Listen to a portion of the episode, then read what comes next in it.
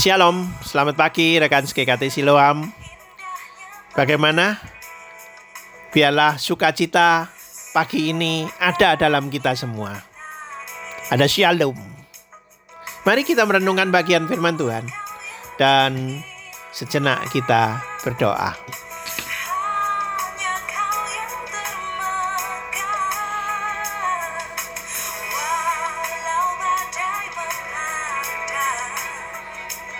Imamat 13 ayat 45 dan 46 Orang yang sakit kusta harus berseru-seru najis, najis.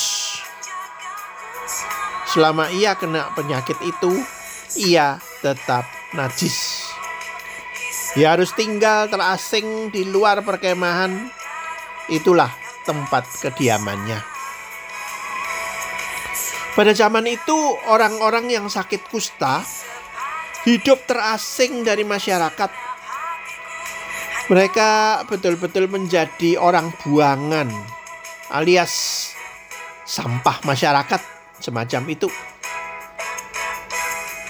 Seorang kusta harus memakai pakaian yang tercapik-capik, pakaian robek-robek. Rambutnya harus dibiarkan terurai dan kusut. Bila ia melihat seseorang yang mendekati tempat di mana ia berada, ia harus berseru, "Najis, najis!" supaya orang itu tidak berada terlalu dekat dengan dia, jauh-jauh dengan dia. Tidak ada penyakit lain yang dipandang lebih menular, lebih dahsyat, lebih menakutkan daripada sakit kusta yang saat itu tidak bisa disembuhkan. Saat itu dianggap menjijikkan, najis, dan mengerikan.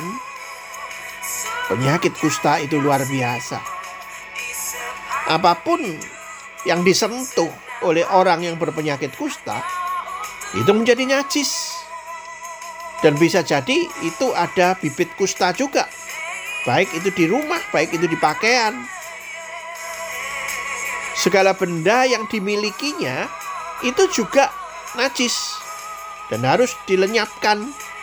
Betapapun berharganya benda-benda itu. Saat itu tidak ada desinfektan, tidak ada uh, penghilang kuman dan lain-lain. Kusta itu sangat ganas menurun, menginfeksi orang lain. Sesungguhnya, sebelum kita ditebus oleh Kristus, sebelum manusia ditebus oleh Yesus Kristus, semua manusia, kita juga adalah orang-orang yang berpenyakit kusta rohani, dosa yang mengerikan. Dosa-dosa itu bagaikan penyakit kusta yang di hati kita.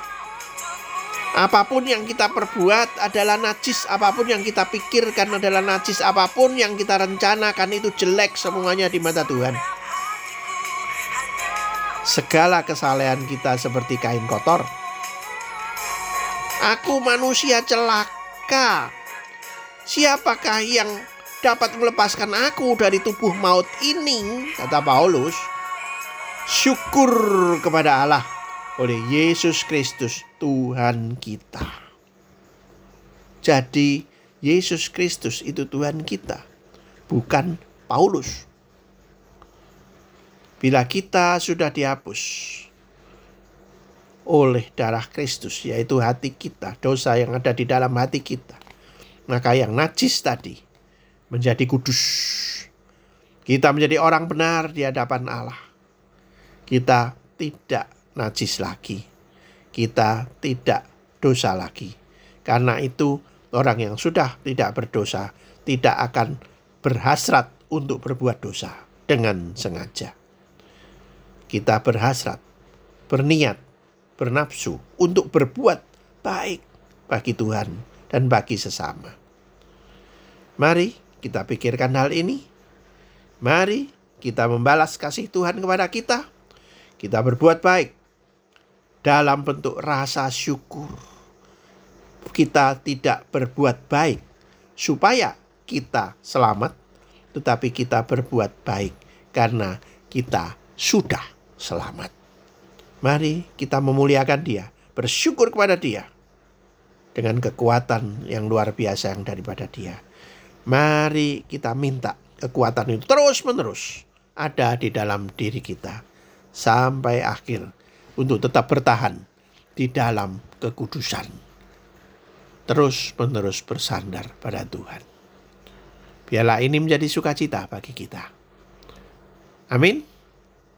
Selamat pagi. Shalom.